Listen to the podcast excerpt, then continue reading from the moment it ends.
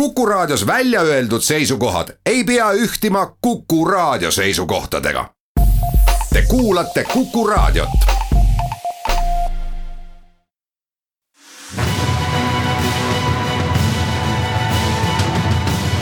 kaks ühes. tere, head sõbrad kaks ühes on jälle otse-eetris, stuudios on saatejuht Vilja Kiisler, nagu ikka teisipäeviti kella ühest kaheni. mul on rõõm, et te olete tänagi meiega. tänagi, nagu kõigis teistes seni eetris olnud saadetes, on kaks külalist. kõigepealt teen ma juttu Ilse Talbergaga, kes on Tartu Ülikooli doktorant ja läti keele õppejõud, tere tulemast. tere ütlen ära ka külalise nime, kellega kohtume saate teises pooltunnis, see on Kaspar Korjus kes räägib meile e-residentsuse uutest rõivatest. teatavasti on e-residentsusel käsil uuenemiskuur ja Kaspar Korjus on see mees, kes kõige täpsemini teab, missugune plaan e-residentsusega Eestil on järgmisel aastal aga Ilse, teie olete kirjutanud Sirbis eelmisel kuul ühe toreda kirjutise, mis mulle silma jäi ja meelde jäi, sest see oli sedavõrd haruldane selline teatavas mõttes pihtimuslik tekst, mis kõneleb sellest, miks eestlane, miks lätlane hakkab eestlaseks. see on midagi nii arusaamatut, nii erakordset ja, ja nii erilist, et see ongi põhjus, miks ma teid stuudiosse palusin. ja enne kui me hakkame kõnelema, kuidas see kõik sai juhtuda, loen ma ette paar lauset sellest kirjutisest, mille ma soovitan huvilisel ka Sirbist üles otsida Eesti on mu kodu ja ma ei tunne ennast siin üldse võõrana. mistõttu on mul pisut raske hinnata Läti ja Eesti ning lätlaste ja eestlaste erinevusi, kuid püüan anda endast parima. Eesti keel on minu igapäevane suhtluskeel, selles keeles ma mõtlen, kirjutan, räägin, seda keelt kuulan iga päev. tsitaadi lõpp, vähe sellest, see on ka keel, mida te õpetate ja, ja millest te siis kahe keele vahel liigute sujuvalt väga haruldane, kuidas see juhtus, et ühest lätlasest sai äkki eestlane, kuidas see võimalik on? see on minu arvates mitte enam niivõrd kummaline tänapäeval või noh, mina olen neliteist aastat juba siin elanud, et siis kaks tuhat kaks ma sain tuttavaks ühes rahvusvahelises laagris eestlastega ja siis ma kuulasin, kuidas nad räägivad eesti keelt. ja siis ma mõtlesin, et äh, see on niivõrd ilus ja niivõrd imeline keel, et, ähm, et ma tahan seda õppida ja minu jaoks tundus ka kummaline see, et me saame nagu kõrvuti elada, eestlased, lätlased. ja kuidas meie keeled saavad olla niivõrd erinevad, et ma kuulan eesti keelt ja ma ei saa mitte ühestki sõnast aru.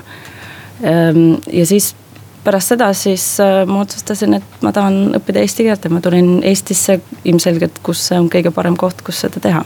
Tartu Ülikooli õppima eesti keelt. ja mind hämmastas selles kirjutises kõige rohkem see, et te tunnistasite, et te ka mõtlete juba eesti keeles jah. ja näete und eesti keeles? jah, ikka.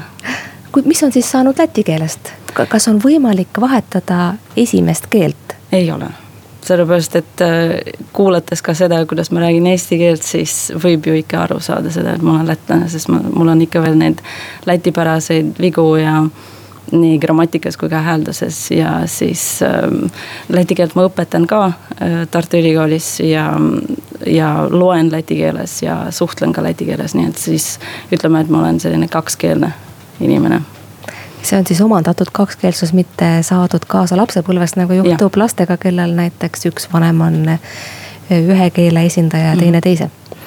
aga ikkagi, eestlastele meeldivad need inimesed, kes nende keelt oskavad kohutavalt nii, isegi nii kohutavalt, et nad on alati vaimustuses ja tõepoolest ei püüa minagi oma vaimustust varjata. see on väga eriline, et keegi eesti keele õpib ära säärasel viisil, et ta saab selles ka mõelda. ma saan aru, see aeg, kui teie juba Eestis olete, on üsna pikk. aga kui raske või kerge oli alguses seda keelevahetust enda jaoks ellu viia? juba algusest peale ma suhtusin sellesse niimoodi, et, et, et kui ma tahan osata eesti keelt, tahan rääkida, siis ma pean seda õppima korralikult. nii et äh, samamoodi nagu Sirbis ma mainisin, et minu jaoks on kaks olulist asja, et üks on õppida grammatikat ja teine on suhelda emakeele kõnelejatega ja siis äh, meie, nii läti kui ka eesti grammatika ei ole selline, kus saab vältida pöörde, pöördeid ja käändeid ja nii, et inglise keeles saab väga hästi hakkama ja siis mina ei tahtnud rääkida valesti eh, või vigaselt. Äh, aga noh, paratamatult muidugi see emakeel veel mõjutab. et, et minu arvates, et on oluline ikkagi keskenduda sellele ja austada keelt läbi selle, et omandada ikkagi kõike, mis see keel pakub Te kirjutate ka doktoritööd, mis tegelikult puutub eesti ja läti keele erinevustesse väga sügaval viisil. me kahjuks ei saa minna detailidesse, sest see oleks võib-olla mitte filoloogidele ebahuvitav jutt. Mhm. aga enne stuudiosse tulekut räägitu põhjal sain ma aru, et see doktoritöö võimaldab teha ka teatava üldistuse eestlaste ja lätlaste meelelaadi erinevuse kohta. ma arvan, see on midagi, millest me saame rääkida, ilma et me läheksime prefiksitesse jah, see, see ei ole veel kuskile kirja pandud, aga ma olen tähe, tähele pannud, et, et eesti keel on ikka nii lihtne võrreldes läti keelega. Läti keeles peab ikka väga spetsiifiliselt teadma, et, et kus sa käisid ja mis sa tegid ja kellega sa olid ja eesti keeles lihtsalt on väga lihtsalt. ma käisin, nägin, ja tegin ja nii, et no kui see võib-olla kunagi valmis saab, siis, siis võib-olla selle põhjal saabki järeldusi teha. aga see ka Eestis elades ma olen märganud, et ma olen nii, nii rahulik, et eestlased ongi nii rahulikud ja, ja mõtlevad, kuidas teha ja mida teha ja lätlased on kuidagi väga mitte justkui närvilised, vaid, vaid noh, nad elavad lõuna pool muidugi, seal on ju eksootilisem ja tõepoolest väga palju lõuna pool. aga see meelelaadi erinevus on huvitav, sest äh, eestlasi huvitab alati tohutult, kui mismoodi naabrid neid näevad ja mismoodi mõtlevad neist ka kõik teised äh, suured rahvad, kes neist on kaugemal, seetõttu on väga huvitav kuulda, kuidas me paistame lõunanaabritele, kellest, olgem ausad, me ise tegelikult teame mhm. suhteliselt vähe. ja ma arvan, et Else-sugused inimesed on just need, tänu kellele me naabritega võiksime lähedaseks saada viisil, mis naabritele iseenesest oleks kohane. aga jätkame juttu siit, kus ta praegu pooleli jääb, Ilse Talbergaga, Tartu Ülikooli doktorandi õppejõuga pärast reklaamipausi.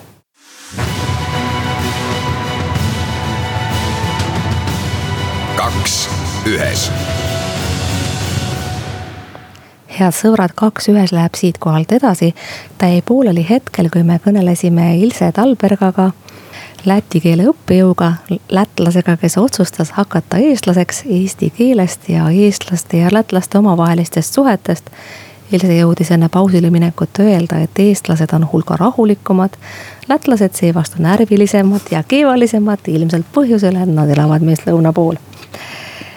Ilse, te kogete iga päev eestlastega suheldes seda, et kuna eestlastele nii väga meeldib, et eesti keelt räägite, siis nad ei kipu teid parandama. isegi siis, kui selleks oleks põhjust. kui ma seda nähtust ise mõtestan, siis ma pakuksin välja selle, et üks on seesama vaimustus, mis segab tegelikult inimest aitamast, aga teine on ka väikerahvale omane valmidus minna võõrkeelele üle alati ja igas olukorras. sest me oleme ju harjunud sellega, et keegi meie keelt ei oska ja enamasti ka sellega, et neid, kes tahaksid osata, on väga vähe. aga ma kujutan ette, et teil on endal veel mõni seletus siia pakkuda. miks eestlased teevad eesti keele õppijatele selle karuteene, et nad loobuvad neid parandamast või lähevad ise üle keelele, ühisele keelele, mida mõlemad oskavad seda juhtus päris alguses, kui ma veel ei osanud rääkida, siis, siis äh, mindi üle inglise keelele. ja siis ma ütlesin, rõhutasin, et palun rääkige minuga eesti keelt, sest muidu ma ei õpi ära. aga need vigade parandamised, et sellega on mul terve see aeg olnud probleeme jah. et, äh, et kui eestlane ei paranda mind, siis ma arvan, et ma ütlesin õigesti. Ja siis ma räägingi valesti. Ja siis tuleb paar aastat hiljem, keegi ütleb mulle, et a, tegelikult äh, seda peab hoopis teistmoodi ütlema. ja siis ma mõtlen, miks keegi ei parandanud mind, et, et see, selle peale ma olen veits isegi pahane, jah, aga no õnneks on inimesi, kes, eriti mu sõpru, kes, kes parandavad mind ja siis vahepeal no vahepeal tuleb ikka see, et iga teine, kolmas sõna tuleb parandada ja siis, siis ma saan aru, et ikka peaks mõtlema korralikult, kuidas öelda midagi jõudsime juba enne ka puudutada teemat, et keel ja meel on väga lähedalt seotud. ja selles kirjutises, millele ma saate alguses viitasin, ütlete te tegelikult päris otse, siiralt ja tegelikult ka suure armastusega, et te peategi ennast eestlaseks. ja mu meelest on see selles mõttes suurepärane, et tõepoolest on ju nii, et igaüks, kes tahab meie maal elada, meie keelt osata ja keele kaudu saada osa kogu mõtteviisist, mis on eestlastega seotud. Ja kultuurist ta on teretulnud seda tegema ja olema. ja mu meelest on ka nõnda, et paljud eestlased, kes sünni poolest eestlased ei olegi, on eestlased märksa rohkem kui need, kes on selle rahvuse saanud kaasa sünniga. tean nii mõndagi venelast, kes on märksa rohkem eestlane kui, kui mõni sünnipärane ja teie iseenesest olete ju sellesama nähtuse suurepärane näide mm. -hmm. aitäh. kuidas see arusaamine, et üks kultuur on mulle lähedasem keele kaudu kui teine, kuidas see sünnib või kuidas see igapäevases elus tunda annab?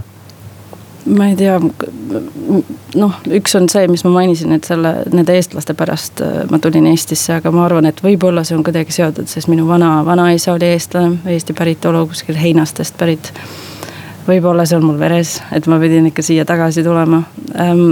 Aga noh, inimesed tunnevad huvi ju erinevate keelte vastu, on sellised, kes lähevad Hispaaniasse, Itaaliasse, kolivad ära ja elavad seal ja no see on väga individuaalne, nii et ma arvan, et see lihtsalt, et kuna ma kolisin naaberriiki ja et, et see, see tundus en kummaline, et, et nii väiksed rahvad nagu lätlased, eestlased, et miks peaks üksteise keelt õppima, aga lihtsalt midagi on sellist. Mis võiks olla Eesti kultuuris see, mis teid kõige rohkem köidab või Eestis nagu kinni hoiab, sest on täiesti paratamatu, et igaüks, kes oskab hästi keelt ja on keele peale andekas nagu teie, saab osa kultuurielust hoopis sügavamalt kui need, kes keelt nii hästi ei mõista. et eh, kindlasti te loete mõlemas keeles, küllap te mhm. tunnete hästi mõlemat kultuuri.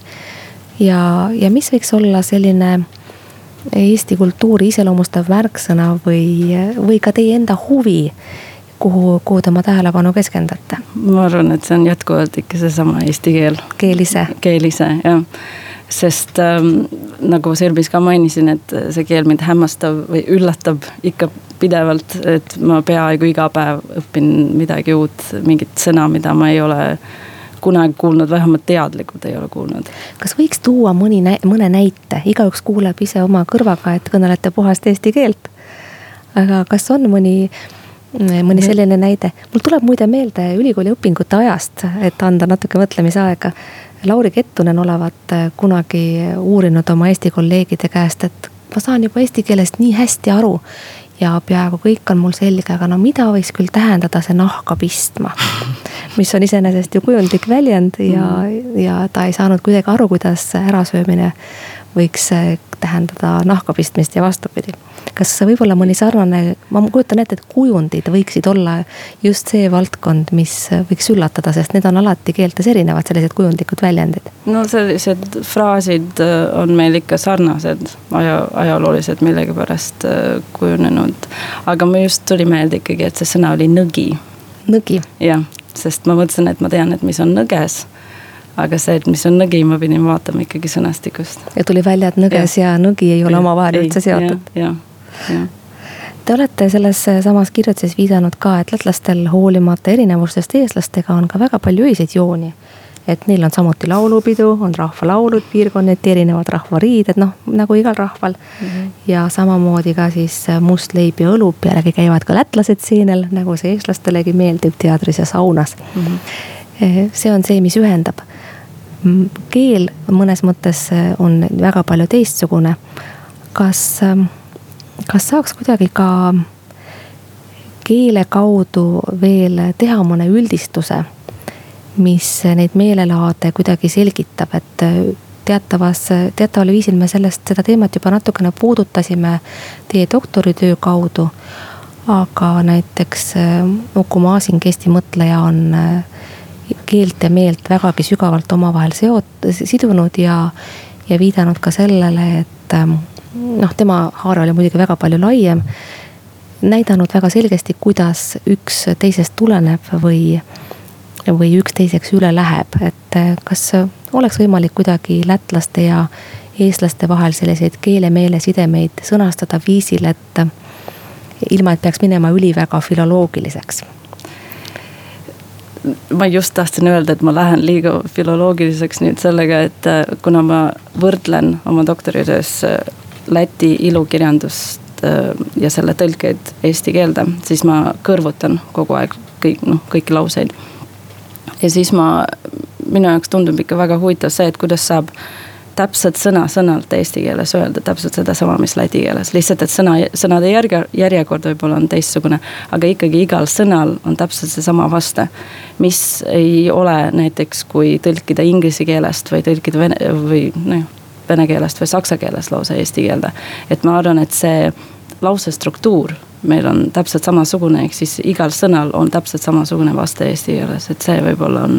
ehk siis sõnade, ühesõnaga mõistete mahud ja, on ja, sarnase ja, suurusega. Mm -hmm. Teile on sageli ka öeldud seda, et te olete rohkem eestlane kui mõni keskmine eestlane. missuguse tundetooniga eestlased sellest kõnelevad?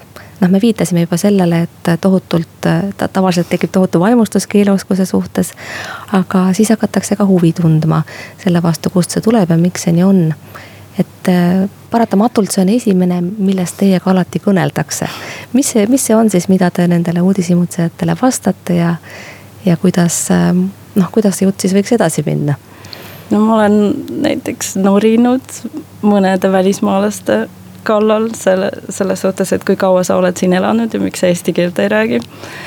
ja siis ähm, mõni eestlane on öelnud ka, et äh, tänu sellele, et, et ma just küsin kogu aeg eesti keele kohta tema käest, siis tal tekkis huvi endal eesti keele vastu, eesti grammatika vastu, et ikka minna ju uurima, näiteks küsisin, et, et mis mõni, mõni sõna tähendab, siis ta ütles, et see on sünonüüm mõne teise sõnaga, siis mõtlesin, kui nad on sünonüümid, siis järelikult neil on ikkagi mingisugune erinevus nende vahel. ja siis, siis pani teda mõtlema ja siis ta läks ja otsis, et mis see vahe on. et no, et ma ikka lähen liiga, liiga palju keelesse. inimesi mõtlema panna tegelikult ongi üks selle saate ja. eesmärk ja, ja aitäh Ilse Talberga, et te aitasite meil koos mõelda eesti ja läti keele omavaheliste sidemete, mõjude ja kultuuriliste toimete üle suur tänu stuudiosse tulemast. aitäh kutsumast.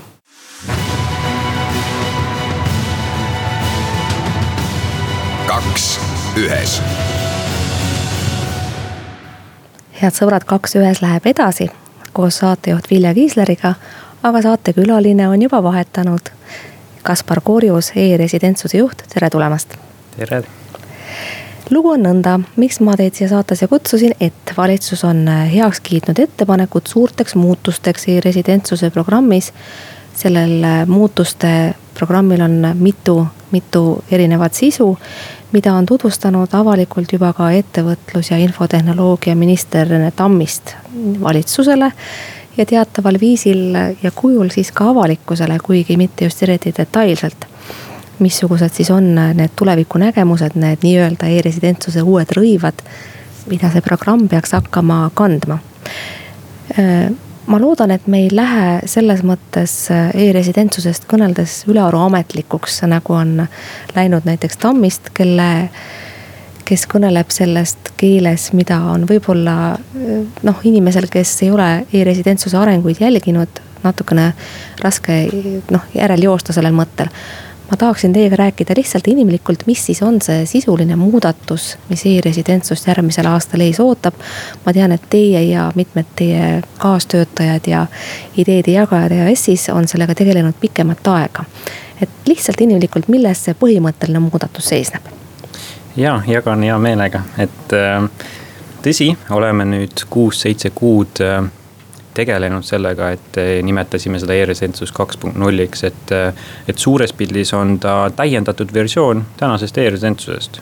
et eh, ei, Eesti ei loo siin midagi sellist uut, mida kunagi keegi näinud ei ole, et e-residentsusel oli oma sihukene esimene etapp läbi kus mõistsime esimesi vigu, riskikohti ja, ja võimalusi ja läbi nüüd selle viimaste kuude oleme siis laiemas seltskonnas kokku pannud sellised muudatused, mis teevad e-residentsuse turvalisemaks, Eestile kasulikumaks ja e-residendile mugavamaks.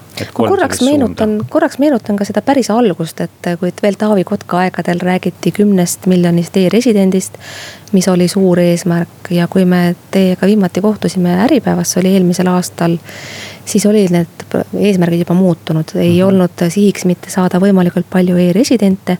vaid et need e-residendid, kes meil on, tooksid Eesti majandusse võimalikult palju raha mm. -hmm. aga nüüd on see rahaline eesmärk küll jäänud, aga on juurde tulnud ka muud täpne eesmärgistus tuleb meil päriselt jaanuaris, aga jah, tõsi on see, et kui vaadata, et ma hakkasin kaks tuhat neliteist septembris vedama siis e-residentsust. Et toona olid peamised eesmärgid seotud sellega, et oleks võimalikult palju leviks e-residentsus, kui palju inimesed kuuleks. kaks tuhat viisteist ja kuusteist oli e-residentide arv, et hästi palju tuleks neid e-residendiks kaks tuhat seitseteist ja kaheksateist oli palju nad ettevõtted loovad. ehk et siis no oli järgmine samm sellesse, mis nad üldse teevad, et ettevõtlusega tegelevad ja nüüd järjest rohkem tuleb siis eesmärgistus seda, palju nad otseselt raha Eestisse toovad eh, on üks eesmärgistus ja teine, eh, nagu te ütlesite, on siis laiem sihukene kultuuriline ja laiem kiht eesmärgistust, eh, miks e-residentsus tehakse. aga peamine fookus jääb ikkagi rahaks. peamine fookus jääb rahale, rahast me veel kõneleme, aga mind tegelikult huvitaks siin see kultuuriline pool mm.. sest kõik, kes seda teemat on vahe, vähegi jälginud, saavad aru, et e-residendid on inimesed, isegi siis, kui me neid ei näe. ja teataval viisil on neil Eestiga olemas mingi side. See võib olla küll äh, vahel väga habras, aga ma saan aru, et äh, selle kultuurilise muudatuse eesmärk iseenesest on neid inimesi, kes juba on e-residendid, teataval viisil teha ka Eesti saadikuteks maailmas väga, väga hästi, väga hästi sõnastatud, et, et raske on neid termineid võelda, võib-olla need terminid ei olegi nii tähtsad, kas nad Eesti saadikud või Eesti toetajad või fännid. aga tõsi on see, et äh, ligikaudu pooled e-residendid täna tulevad mitte ärilistel põhjustel, tulevad, sest nad tahavad osa olla sellest digiühiskonnast, Eestist, äh, kaasa rääkida neil teemadel. Ja seni ei ole need viiskümmend protsenti inimestest äh, väga meilt tähelepanu saanud, et me muidugi võtame neid vastu, et et võib kriitikaga öelda, et pooled e-residendid ei tee mitte midagi. aga me ei taha ka nagu ukse taha neid jätta, et kui inimene maksab meile sada eurot riigilõivu, siis las ta tuleb ja toetab meid ja me võtamegi neid vastu, aga küsimus on see, et kuidas ka neid inimesi kaasata, kas nendel midagi pakkuda nendele, kas meie saame nendelt midagi võita. ja, ja siin läbi siis nende kuude on ka see arutelud olnud, et kuidas kultuuri eh, ja sinna kaasa arvates ka siis rahvuslikku julgeolekut Äh, parandada, tõsta läbi selle kogukonna, mis meil rahvusvaheliselt on. aga kuidas see iseenesest võiks käia mm? -hmm. Teie meeskond on ju tilluke e, e-residente samas on hästi palju ja need on inimesed, kelle tausta te väga hästi ei tunne ja tihtipeale nad ikkagi ka ei käi Eestis, nad võib-olla on Eestist teataval viisil huvitatud mm. -hmm. Neil on teatav side, aga nad tegelikult on mujal. põhimõtteliselt ei ole ju võimalik igale e-residendile panna kõrvale eestlasest sõpra, kes räägiks talle, mida ta ja, võiks ja. Eesti kohta maailmas kõnelda. et kuidas see käib? et peamiselt ongi kahes suunas, kus need ettepanekud on tulnud ühest suunas on see, et e-residendid saaks ligi Eesti kultuurile, ka digitaalselt. miks mitte riigi arhiividesse digitaalidentiteediga ligi minna, miks mitte saada vaadata äh, laulva revolutsiooni filmi, kui sa oled e-resident. miks mitte rohkem olla jah, digitaalselt avaldada Eesti kultuuri äh, sellele globaalsele seltskonnale ja teistpidi et kui Eesti kultuuriinimesed soovivad rahvusvaheliselt mingeid üritusi korraldada, sündmusi teha siis tegelikult on meil igas linnas peaaegu maailmas olemas selline seltskond, kes on meist huvitatud ja kes hea meelega tuleks võib-olla üritusele isegi kohale. näiteks kui järgmine kord lähed Tokyosse ja teed seal oma ürituse, eh, tutvustad Eesti filmi või, või metsandust või, või meie head toitu siis alati on võimalus neid e-residente sinna kaasata ja kui meil on seal kaks tuhat e-residenti, siis võib-olla sa saad kakssada inimest endale lisaks sinna äh, kohtumisele. ja tutvustada Eesti kultuuri ja, ja huvitaval kombel on e-residendid väga huvitatud sellest, noh. see, see tuli kõige suurema üllatusena minule, kui me analüüsime, mis, miks e-residendid tulevad, et, et pooled on jah ettevõtluse pärast aga nad on päriselt väga paljud huvitatud Eestit tundma õppima, Eesti kultuurist, nad on palju fännid Eestist, eriti seal Jaapanist ja Korea näidetena. et nad, nad armastavad seda kultuuri, keskkonda, digiarengut ja, ja, ja seni me oleme kuidagi nagu me ei ole võimaldanud seda neile ja, ja läbi nende kaks punkt null ettepanekute, siis on seal erinevad siuksed viisid, kuidas viia kultuuri sinna ja kuidas, kuidas Eesti kultuuritegelasi aidata eksportida kultuuri. see on tegelikult suurepärane uudis, et selline e-maailm ja e-residentsuse maailm leiab kokkupuute kultuuriga, sest ähm, äh, tegelikult on ka minu jaoks üllatav, et inimesed, keda võiks, kellest võiks arvata, et neid e-residentsus huvitab vaid põhjusel, et oma, oma äh, rahakotti suurendada ja kasutada e-teenuseid, nende huvi on mujal kuidas, kuidas see protsess reaalselt võiks käia?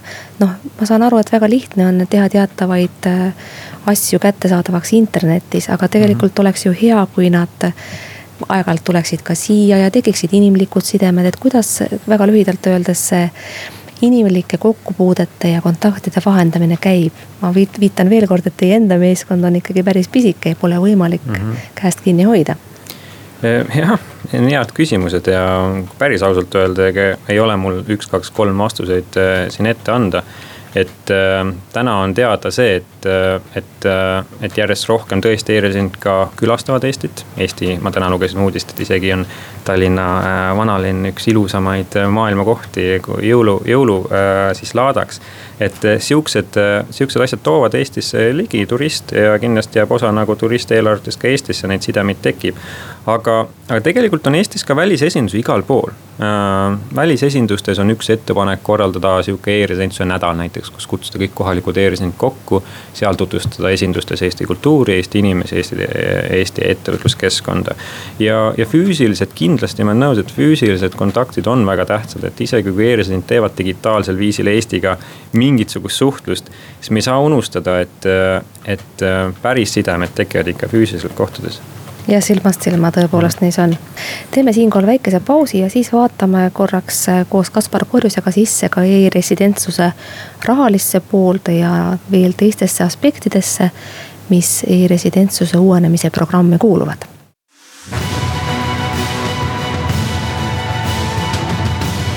kaks ühes head sõbrad, algamas ongi saate Kaks ühes viimane neljandik. Ja selle viimase neljandiku sisustame koos Kaspar Korjusega e-residentsuse programmi juhiga, kellega juba jõudsime rääkida kõigist neist, õigupoolest mitte kõigist, vaid osast neist uuendustest, mis on plaanis ja jõudsime fookusse võtta just nimelt selle e-residentsuse ja kultuuriga seotud osa, mis mulle teeb erakordselt rõõmu. aga lubasime, et vaatame sisse ka e-residentsuse rahakotti ja sellesse, kui palju see programm ise on riigile tulu toonud. hiljaaegu tehtud vahekokkuvõtte kohaselt on see programm toonud riigile maksutuluna tagasi ligi kümme miljonit eurot rohkem, kui sellesse on panustatud, ehk siis e-residentsusele tehtud kulutused algusest peale kokku rehkendutena. Eh, käesoleva aasta lõpuni on seitse koma neli miljonit eurot ja sellest riigile on siis laekunud selle, selle panustatud summa tulemusena seitseteist koma kaheksa miljonit ja netotuluna kümme koma neli miljonit. Kaspar Kurjus, ma mäletan, et kui me kohtusime Äripäeva raadios, siis te lubasite, et ühest eurost on tehtud kolmkümmend neli, aga laps saab aru, et need summad kolmekümne neljaga korrutamist igale eurole nüüd küll ei väljenda. kuhu on jäänud see ülejäänud raha, mida te lubasite, aga pole tootnud väga hea küsimus ähm, täpselt nii, et kui vaadata otseseid tulusid riigile, siis äh, otseste tulude all ehk e-residentide maksutulu, mis nad on toonud ja riigilõivud, mis nad on maksnud, on äh, seitseteist miljonit, äh, miinus siis kogu kulud riigile, kus on eri ministeeriumite projektikulud, inimtööjõud, meie programmi ja kõik muud kulud. siis on tõesti see seitse miljonit, kümme miljonit kasumit kus on ülejäänud tulud, mida siin ei ole arvutatud, on need, mida ma enam kõvelaga välja ei ütle, sest need on nii suured numbrid aga palun, aga palun, nüüd on see võimalus ehm, eh, teised numbrid on see, et kui e-residendid investeerivad Eestisse, kui e-residendid maksavad Eest, Eesti ettevõtetele teenustasusid, näiteks virtuaalkontorid, raamatupidamised. Eh, seal keskmiselt on sada eurot kuus e-residendi poolt Äh, kui e-residendid, äh, kui e-, e-, Eesti ettevõtted ekspordivad e-residentidele. kui e-residendid maksavad palka Eesti ettevõttele, kui nad käivad turistina siin ja nii edasi. ja sellepärast need numbrid on suured ja sellepärast, et Deloitte tegi eelmine aasta neid arvutused. ja kuna need numbrid olid nii suured, et tõid tegelikult isegi üks euro, sada üks eurot tagasi lõpuks. siis, äh, siis ma sain nii palju kriitikat, et sellist mulli ajame ja siis sellepärast me võtsime natuke tooni ära ja nüüd räägime ainult otsestest tuludest, mida saab faktidega kontrollida ja. tõepoolest, need nimetatud nähtused on ju väga raskesti hõlmatavad konkreetseks summaks. jah, ja see on lõpuks on mingine nagu noh parim arvamus, sest me ei saa ju jälgida igat inimese liigutust, mitu jäätist ta Tallinna vanalinnas ostis või kellel, kui palju ta maksis. ja, ja ja päris ausalt öeldes siis suvel, kui me tegin viiskümmend, kuuskümmend intervjuud erinevate sihukeste võtmeinimestega siis selgus, ega väga palju ei oodatagi, et me nüüd räägiksin miljarditest, et inimestel tahavad lihtsalt näha, et, et maksumaksja raha ei kao, et pigem tuleb juurde, nendest otsedest tuludest saame näidata. et maine riigil tõuseks, julgeolek tõuseks, et Eesti ettevõtted saaks eksportida rahvusvaheliselt. ja et Kaspar Korjuse hiigelpalk ei oleks makstud ilma asjata. täpselt nii, et kõik, kõik ilusti tuleb kordades tagasi, aga Kaspar, tead, et mis sa nendest miljarditest asjadest räägid, et, et räägi nii, et inimesed saavad uskuda ja see on kindlasti ka oluline. ma viitan veel ühele sellisele küsitavusele või probleemile, mis on e-residentsust kummitanud. See on äh, teatav selline paralleel elamislubade müügiga, minul tuleb alati, kui ma loen mõnest uudisest, et tublisid e-residente on ühele aadressile mahtunud hulgi. siis tuleb mulle meelde see IRL-i elamislubade skandaal ja, ja tõepoolest ka siin e-residentidele meeldivad kaks konkreetset aadressi väga hästi, ma jätan need praegu võib-olla otse-eetris välja ütlemata, kes tahab, leiab üles niigi. miks see siis ikkagi selline paralleel saab tekkida ja koos selle paralleeliga saavad ju tekkida ka igasugused julgeolekuriskidega seotud küsimused mis vaevalt e-residentsuse programmi vedajatele kuidagi meeltmööda oleks. ja, et see on väga hea, et tõstatasite selle teema, sest tegelikult see on otse nagu vastupidi, et.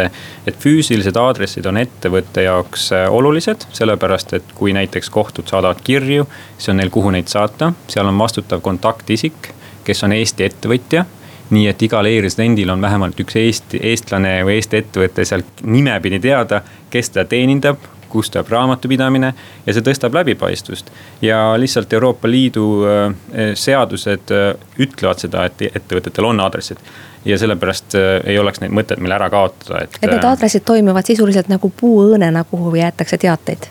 aga keegi seal siis konkreetselt kohal ei ole, vaid lihtsalt need vahendatakse saan ma õigesti aru? see on, raamatupidajad on tihti nendel aadressitel, teenindajad, finantsnõustajad, need ettevõtted vähemalt, keda te siin välja tõite et äh, üks ettevõte, seal on juba jah, viiskümmend inimest palganud, kes teenindab, viiskümmend eestlast äh, palganud, kes teenindab e-residente nendel igapäevastel teemadel.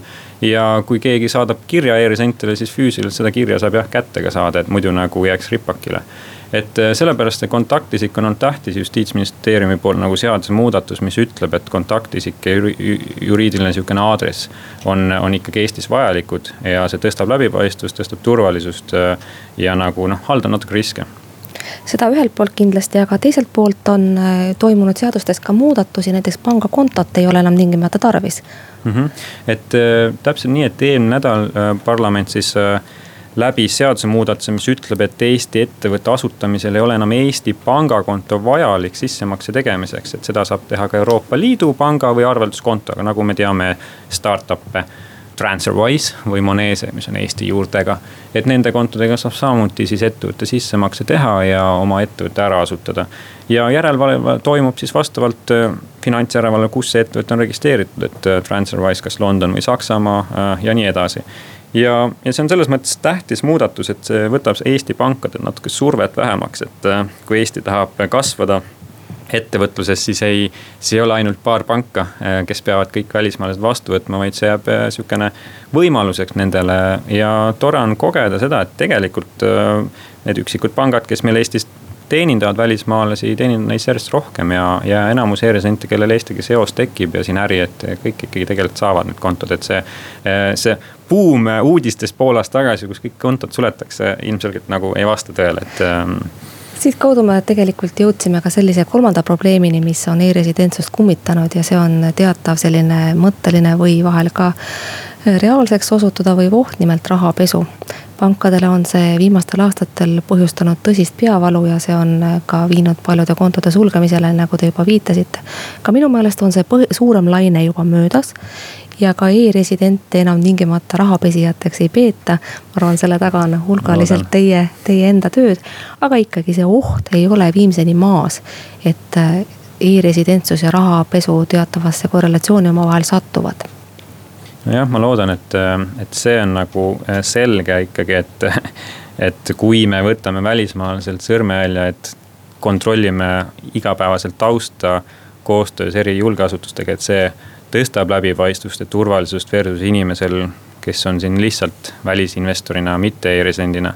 et see kindlasti läbipaistvuse tõstmine on see üks e-residentsuse nipp miks, miks ma näen, et ka poliitiliselt ei ole parteisid, kellel see võiks vastu olla, sest, sest see, see võimaldab parema läbipaistvusena ka turvalisemaks Eesti ettevõtluskeskkonda. mis puudutab rahapesusse, siis eks jah, realistlikult tuleb lihtsalt vaadata seda, et kui me räägime sadadest miljarditest või me räägime paarikümnetest tuhandetest tehingutest, eh, siis, siis need rahapesud toimuvad ikkagi suuremates summades ja, ja seal järelevalvel ja finantsinspektsioonil on tegelikult juba kahe tuhande neljateistkümnendast aastast vähemalt kõik, kõik väga hästi kontrolli all. et, et mina ei saa muidugi öelda, välistada midagi, aga, aga alates sellest, kui e-residentsus sündis, mis oli kaks tuhat neliteist detsember või kaks tuhat viisteist algus. on see nagu finantsmaastik Eestil tegelikult päris hea, heas korras ja tasemel ja, ja sellepärast tunneme ka päris turvaliselt ja kindlalt ennast. Kaspar Korjus, suur tänu saatesse tulemast, ma omalt poolt tahaksin väljendada heameelt, et see residentsuse programm on saanud teatava kultuurilise mõõtme ja mu meelest on see suurepärane suund, kuidas edasi liikuda. jõudu teile selles ja ma loodan, et selline mõtteviis tõepoolest e-residentsusega kaasas käima hakkab. head sõbrad, saates olid täna Kaspar Korjus e, e-residentsuse programmi juht ja Ilse Taalberga naine, kes sündis lätlasena ja hakkas eestlaseks. kui te saate esimest poolt ei kuulanud, siis olge armsad ja minge Kuku raadio arhiivi. võite saadet kuulata otsast peale. saatejuht oli Vilja Kiisler, saade kaks ühest on eetris juba järgmisel teisipäeval kella ühest kaheni, kuulmiseni.